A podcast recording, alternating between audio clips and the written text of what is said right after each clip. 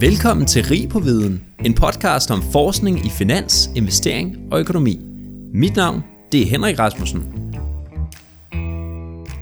Vi har lavet episoden her i samarbejde med FSR Danske Revisorer, som repræsenterer revisorbranchen i Danmark med ca. 5.000 medlemmer. De har en klar strategi om at sikre troværdigheden i revisionsbranchen til gavn for offentligheden og medlemmerne, så du kan læse mere om foreningen på fsr.dk.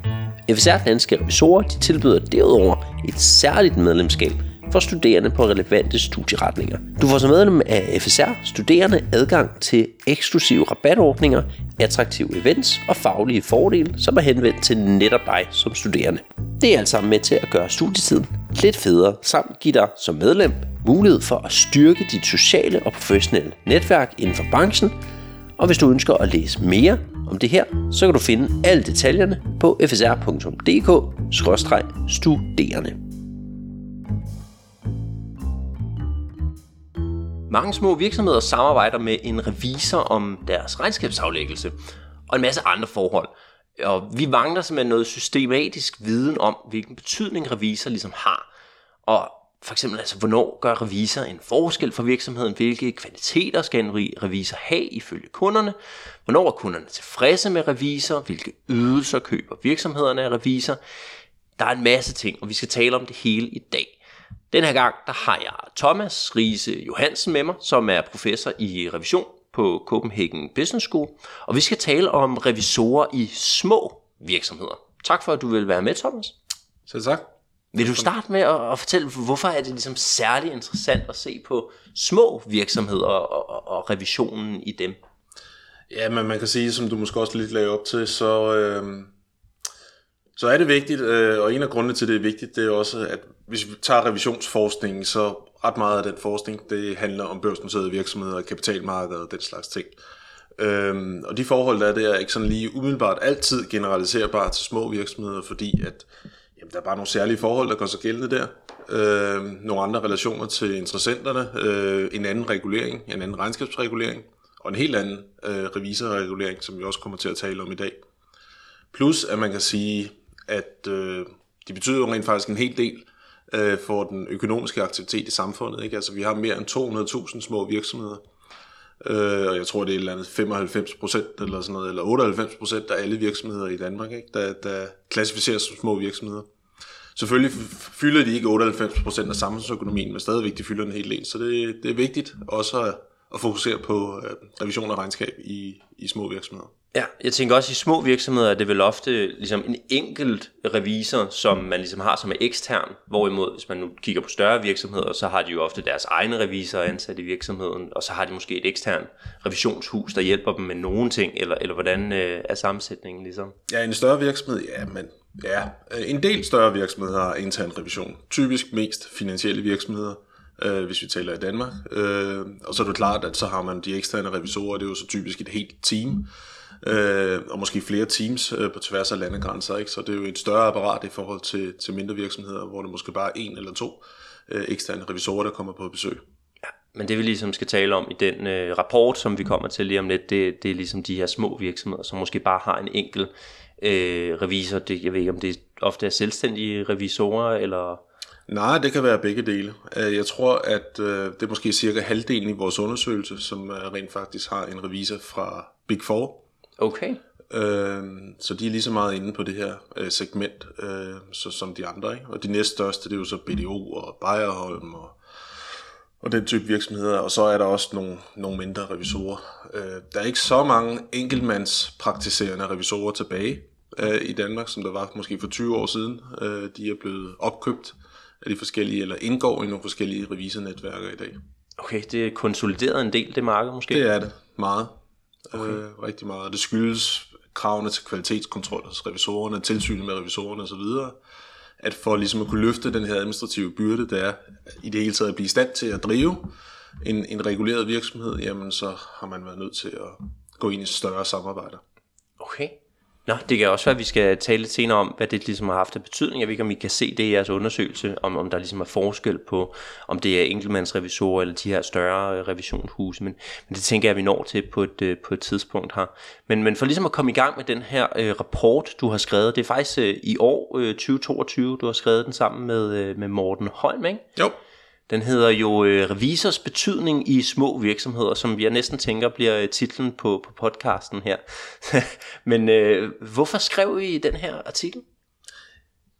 Jamen, af de førnævnte årsager selvfølgelig, øh, men så har vi også bare gennem et stykke tid haft en dialog med, øh, med revisorbranchen om, om vi, vi kunne prøve at fokusere på, på, på små virksomheder, og hvilken betydning revisor har, og hvorvidt revisor gør en forskel, og, og den slags ting. Jeg har også selv tidligere været involveret i sådan, øh, hvad skal vi sige, de politiske debatter øh, omkring øh, revisionspligten i små virksomheder, herunder også da vi senest øh, evaluerede den i 2018, altså hvor man diskuterede, hvorvidt der skal være en revisionspligt øh, for de her små virksomheder, eller man kan lempe den, og så gøre det valgfrit, hvorvidt at man vælger en revisorerklæring eller ikke. Ja. Øhm, og så er der bare behov for, at øh, der er ikke rigtig lavet nogen øh, solide undersøgelser, hvor man ser det hele fra kundens perspektiv. Typisk så spørger man måske bankerne, hvad de synes, eller man spørger revisorerne, hvad de synes, og, og nu synes vi lige, at vi skulle sætte fokus på kunden, og se, hvordan øh, kunden egentlig forstår øh, revisors arbejde og revisorerklæringer. Ja.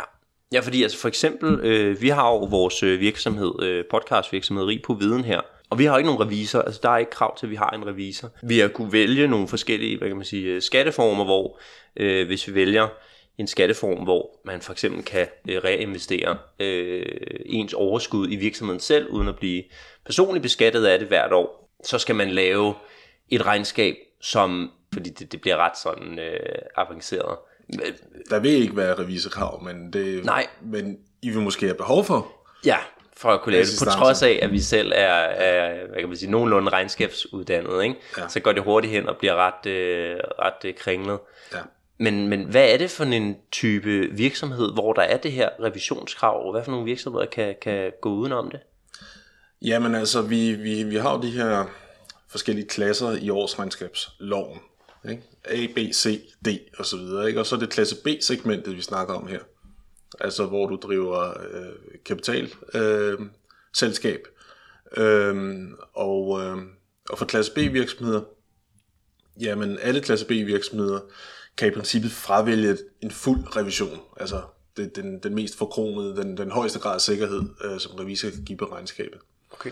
Og vælge en, en, en, en lidt lettere udgave, som hedder udvidet gennemgang. Så er det sådan, så at de mindste virksomheder i klasse B-segmentet, og det er sådan cirka, det er måske 120.000 af de her 200.000 øh, virksomheder, helt kan fravælge øh, revisorerklæringer. Og det er de øh, virksomheder, som har en, øh, en aktiv masse på øh, under 4 millioner, omsætning under 8 millioner og under 12 ansatte. Okay. Så det kan sige helt, at vi vil ikke have nogen øh, øh, revisorerklæring. Vi vil hverken have en fuld revision, en udvidet gennemgang, og så heller ikke den her assistanceerklæring, som jeg tror, vi kommer til at, at tale om senere. Okay.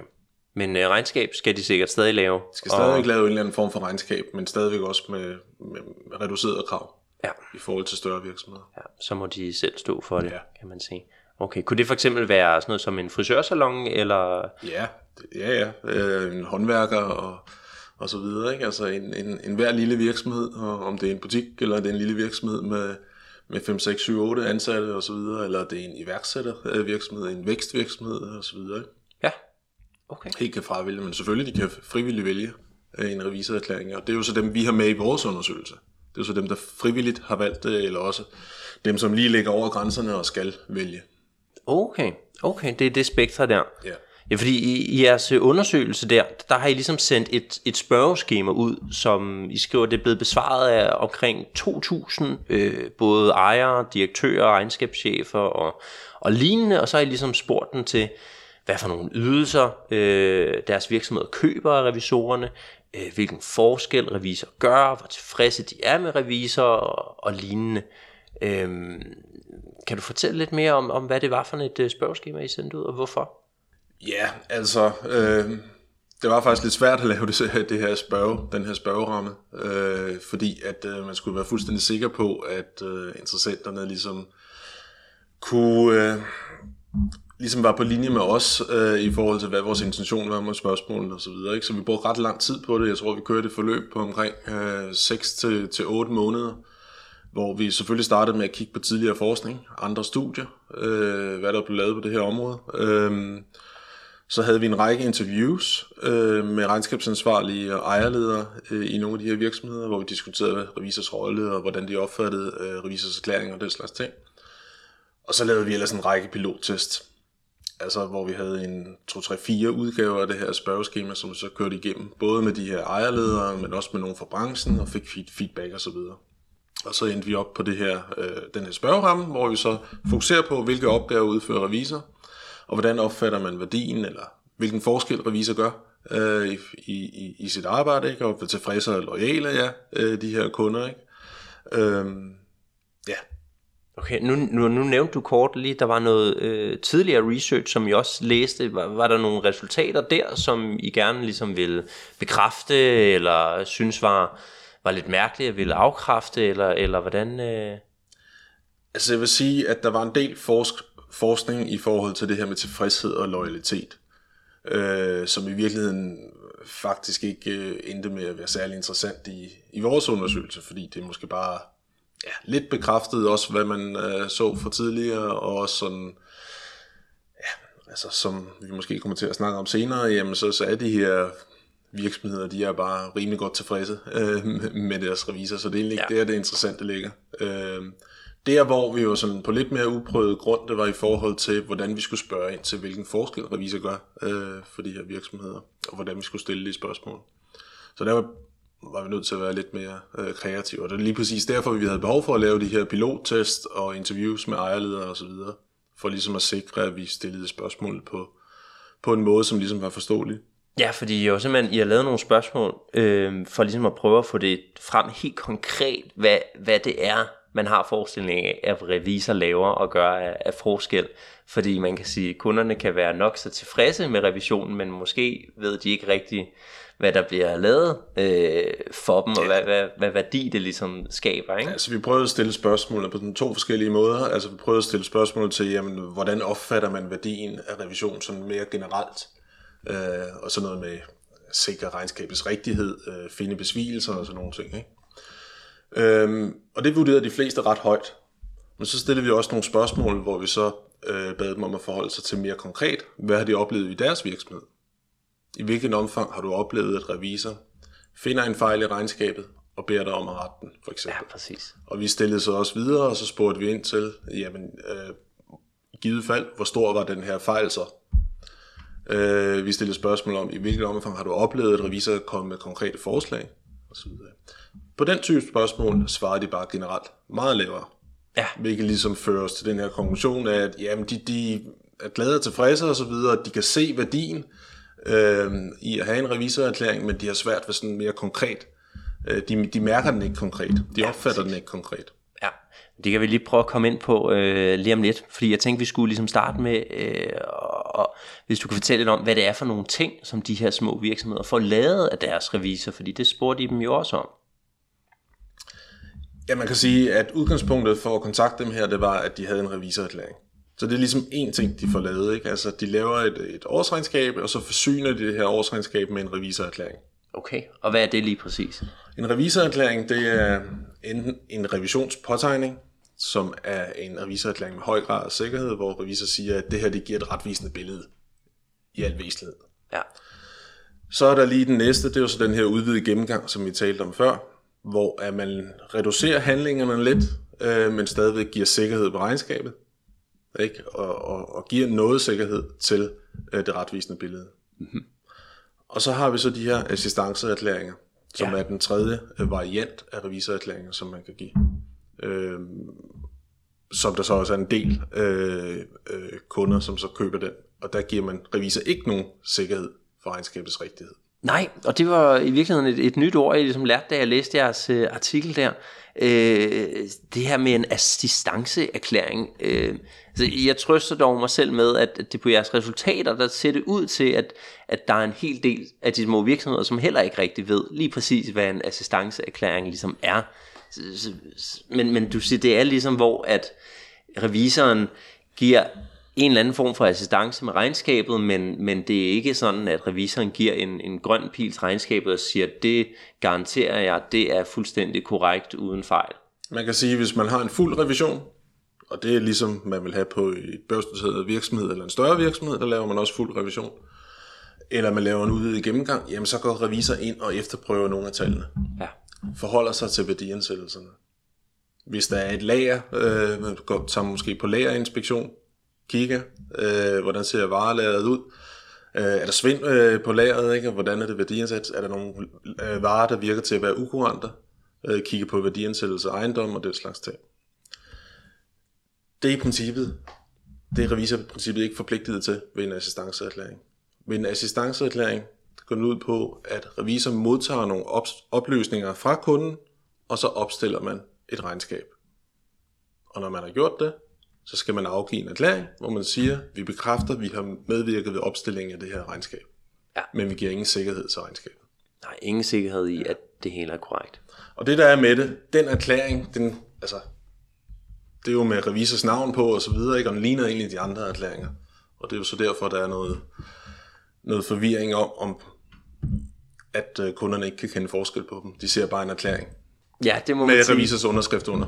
Ja, fordi i jeres undersøgelse, der er det kun 21% af kunderne, som ved, at den her assistanceerklæring, den er uden sikkerhed. Det, det, det er vel ikke øh, super smart, at det kun er 21%, der ved det? Nej, altså vi vidste jo godt, at der var, øh, vi ville få nogle resultater, der, der sagde et eller andet med, at der var en stor del af de her kunder, som ikke rigtig var klar over, hvad en assistanceerklæring var, øh, og så videre. Men altså, vi har jo ikke regnet med, at det var det omfang, som vi så rent faktisk fandt. Øh, og vi, altså oversæt, metoden til at finde det var meget simpel, ikke? Altså vi spurgte dem, hvad er det for en erklæring, som I får på jeres regnskab, og det svarede de så på, og vi havde jo så de oplysninger allerede fra regnskaberne, og så sammenholdt vi jo de her to ting. Øhm, og man kan sige, at, at de 79%, som ikke var klar over, at de fik en assistanceerklæring, der var der 57 øh, procent, øh, som mente, at de fik en erklæring med sikkerhed. Okay. Og langt de fleste af dem, jamen de troede, at de fik en erklæring med høj grad af sikkerhed. Så man kan sige, at 57 procent af dem, som køber revisors øh, mindst omfattende og lidt populært sagt dårligste produkt, Ja. rent faktisk tror, at de får det bedste, eller måske det næstbedste øh, produkt i øh, revisors øh, erklæringsprodukt for portefølje, kan man sige. Ikke? Ja. Og det synes jeg, der er et problem. Ja, fordi altså, hvad er ligesom risikoen ved, hvis man, hvis man regner med, okay, jeg har afleveret et regnskab her, revisor har givet sikkerhed for det, men det har han så alligevel ikke. Hvad, hvad er ligesom Altså, risikoen? jeg synes jo generelt, at en kunde skal være klar over, hvad det er, man køber. Ja, selvfølgelig. Øh, selvfølgelig ikke, når man kan vælge mellem forskellige ting. Øhm, og man kan prøve at tænke på det på den måde, at senere hen, så kan der være en ansvarsmæssig betydning. Ikke? Altså hvis nu det går galt, og regnskabet så viser sig at være forkert, øh, jamen så kan det være svært, øh, både for virksomheden selv, for eventuelle investorer, for banker, øh, ligesom at komme efter øh, revisor, ansvarliggøre revisor og eventuelt øh, få en erstatning, fordi revisor simpelthen ikke har været forpligtet til at undersøge regnskabets rigtighed. Okay, så de kommer i virkeligheden efter virksomhedsejeren i stedet, måske? Ja, altså måske har nogle øh, lyttere her hørt om den her øh, sag, der har været med Trump-koncernen i løbet af foråret her, hvor at man har afdækket, at øh, den koncern gennem 10 år har oppustet ejendomsvideer. Det er jo ret, ejendommen fylder ret meget i den, ikke? Ja. Hvor man siger, at øh, nogle steder så har de her lejligheder og så videre i Trump Tower været værdiansat til to eller tre gange øh, det, de egentlig var værd. Øh, I USA er der ikke revisionspligt, og revisorerne havde givet en assistanceerklæring på, på de her regnskaber i 10 år. Øh, så de her øh, långivere og myndigheder, de fandt jo hurtigt ud af, at de kunne ikke rigtig komme efter øh, revisorerne, så de er gået direkte efter, efter ledelsen i den sag. Okay. Og så, Så- kan man blive forpligtet til at betale store erstatninger eller bøder, eller bankerne vil måske alligevel ikke låne de her penge til dig, hvis du har værdiansat dine aktiver forkert. Det, ja, det er da selvfølgelig et, et, et problem i banken, et troværdighedsproblem. Øh, og selvfølgelig, hvis banken har tabt penge, jamen så, så er det jo basis for en erstatningssag. Okay.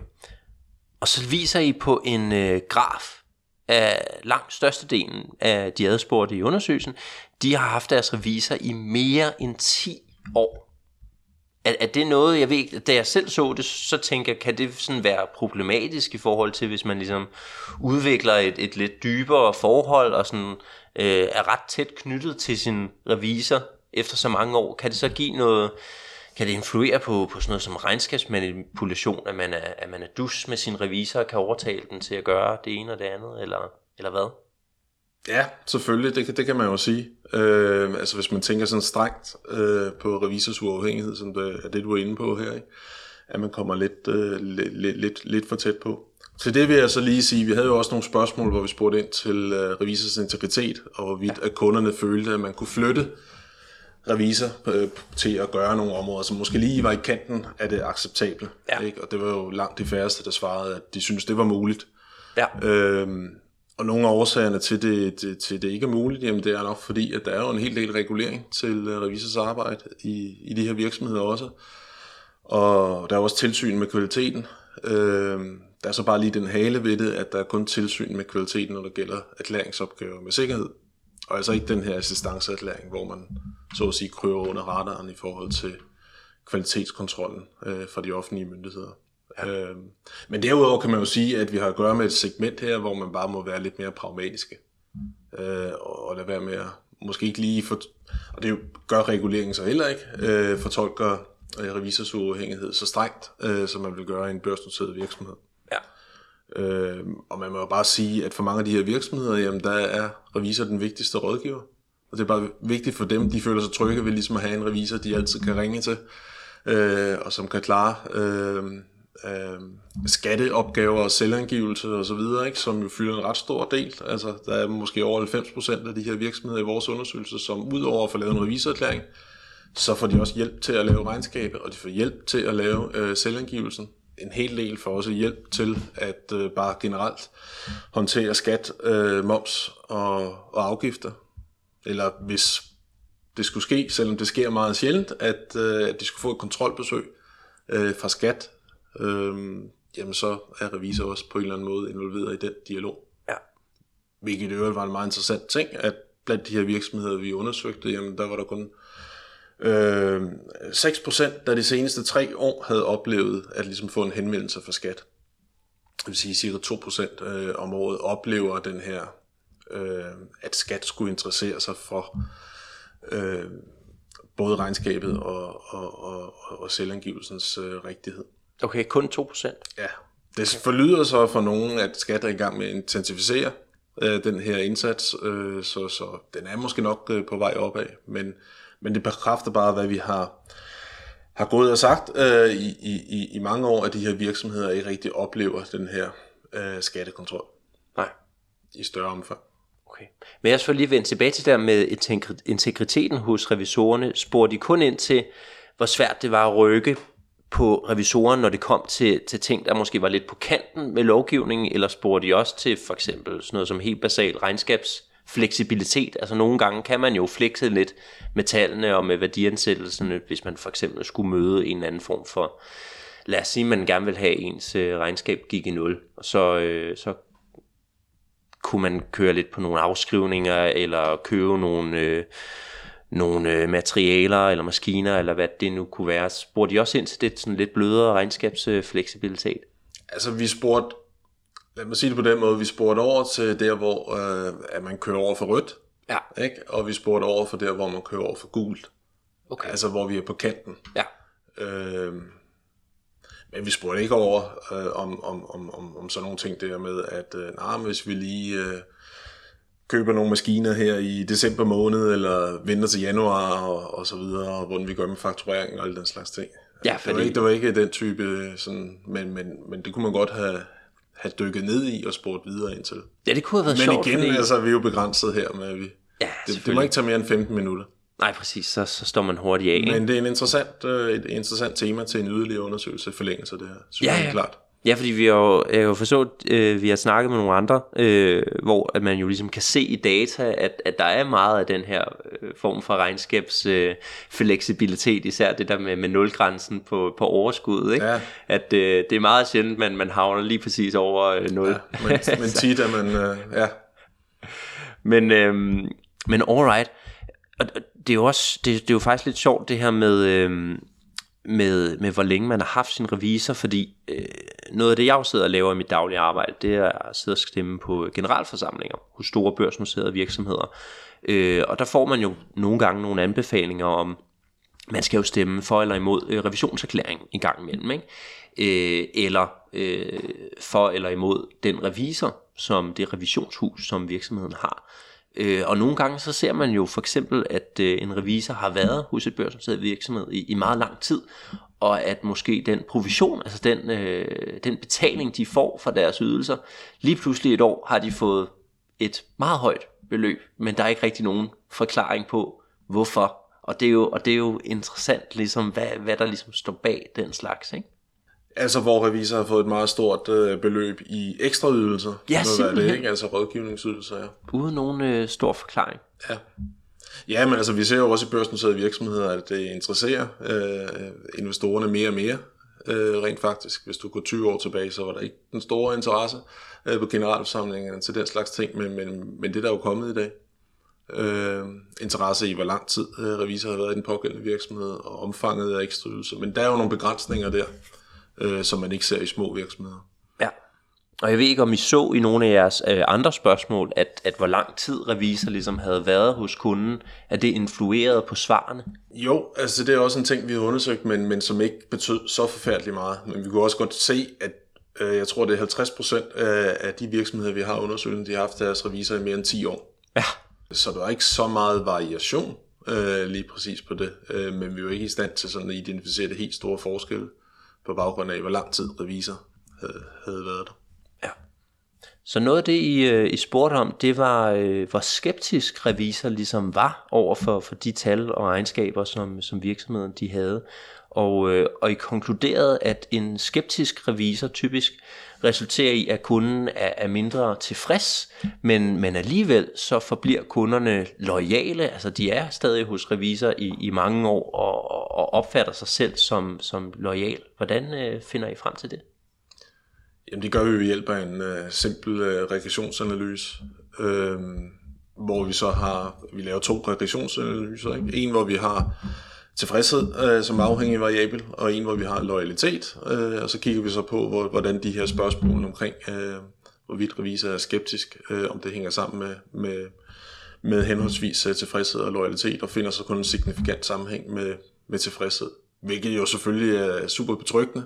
Ikke? Altså man kan sige, at øh, hvis man kan sige lidt populært, ikke, så kan man sige, at kunden ikke synes, det er så rart, når revisor begynder at udfordre ja. og, og stille kritiske spørgsmål osv. Det vil man egentlig hellere have, at revisor lå være med. Men det er jo en del af revisors arbejde at, at, at, at gøre det. Men det er jo så betryggende, at man kan se, at det betyder ikke noget for loyaliteten. Ja. Man skifter ikke revisor ud af den årsag, hvis man skal sige det lidt, øh, sætte det lidt på spidsen. Nej, bare fordi de er skeptiske. Ja.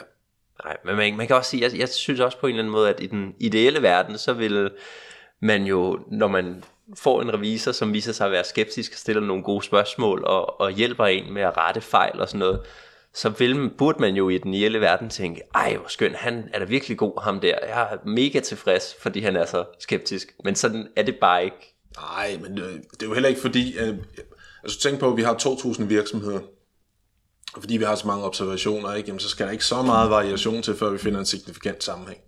Så man kan ikke fortolke det her som, at hvis revisor begynder at udfordre, så bliver de utilfredse. Mm.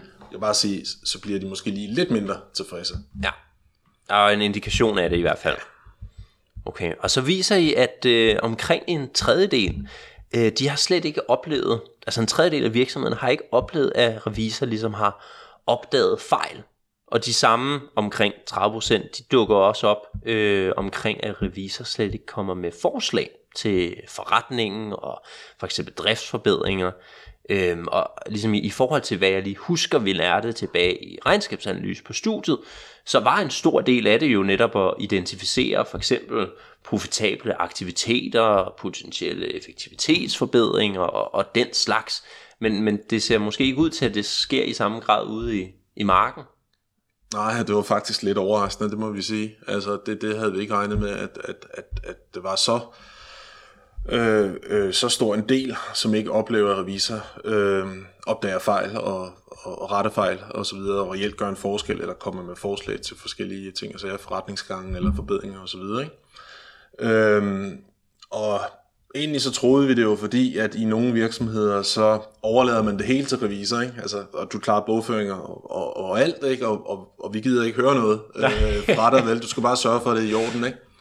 Og når det er sådan, så tænker man, okay, så er det jo klart, at man ikke opdager, at revisor ligesom korrigerer ting og, og gør ting anderledes og den slags ting. Men det prøvede vi også at kontrollere for. Vi har jo spurgt om, hvad det er for nogle typer opgaver, man laver i de her virksomheder. Så vi prøvede at kontrollere for det, og vi fandt stadigvæk, øh, at der var en hel del, som ikke ligesom oplever, at, øh, at revisor går ind og korrigerer ting.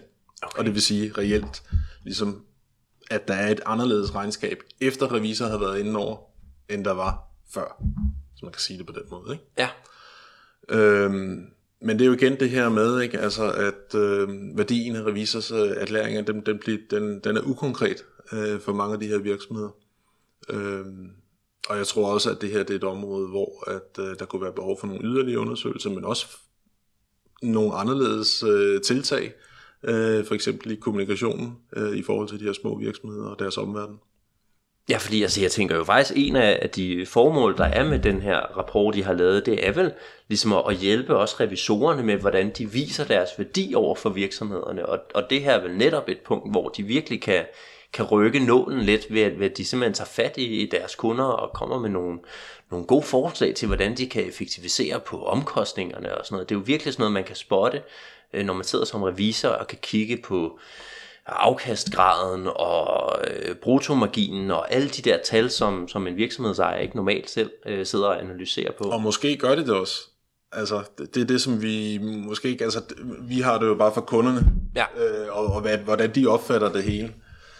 Øh, så det er også derfor, jeg siger, at man kunne måske godt bruge nogle yderligere studier på at finde ud af, hvad er det, der helt præcist foregår øh, mellem revisor og øh, kunden i forhold til kommunikation af, af, af de her ting. Det kunne være ret interessant.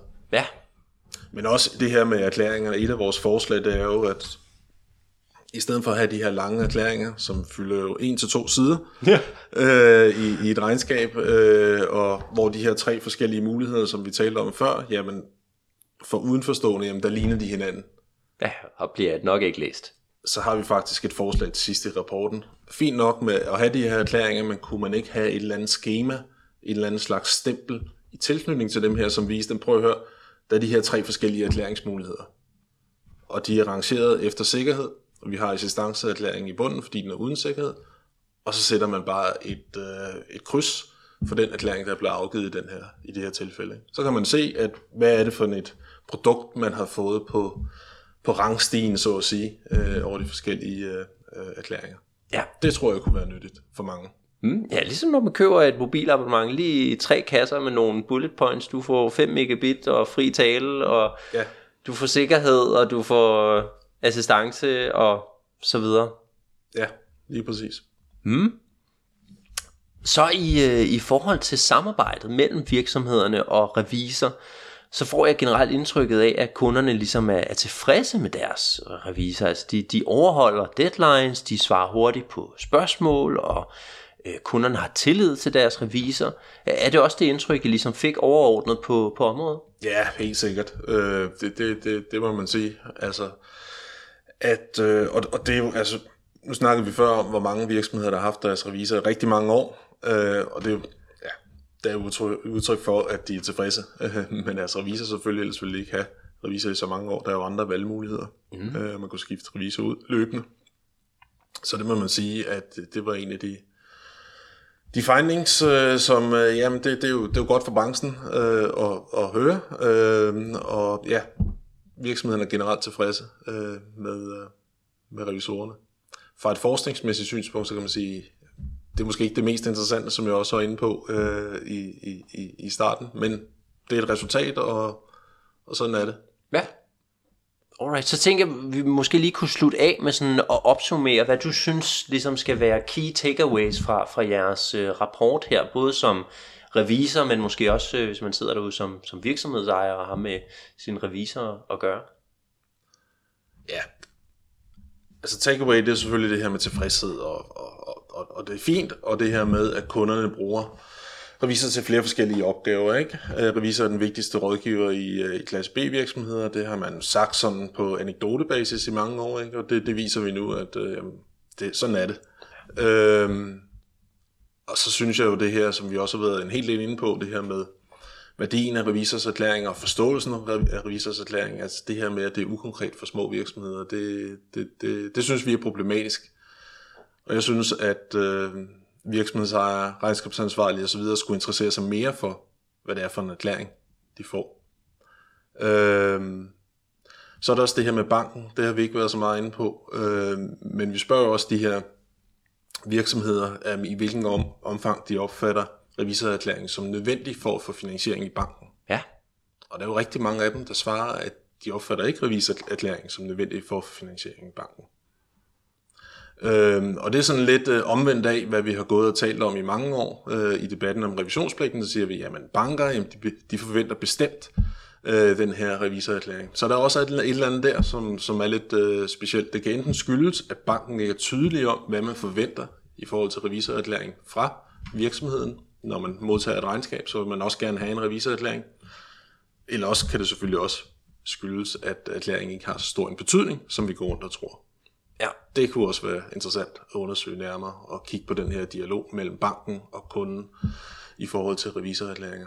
Og jeg tror helt sikkert, der er behov for, at banken også interesserer sig for, at der er forskellige typer af revisorerklæringer, der er forskellige grader af sikkerhed, og det kan have en risikomæssig betydning for dem, øh, når de øh, giver finansiering til ja. de her virksomheder. Mm-hmm. Alright. Jamen Thomas, så vil jeg egentlig bare sige uh, tusind tak, fordi du ville være med i vores podcast. Velbekomme. Det var en fornøjelse. Tak for, at du lyttede med til Rig på Viden.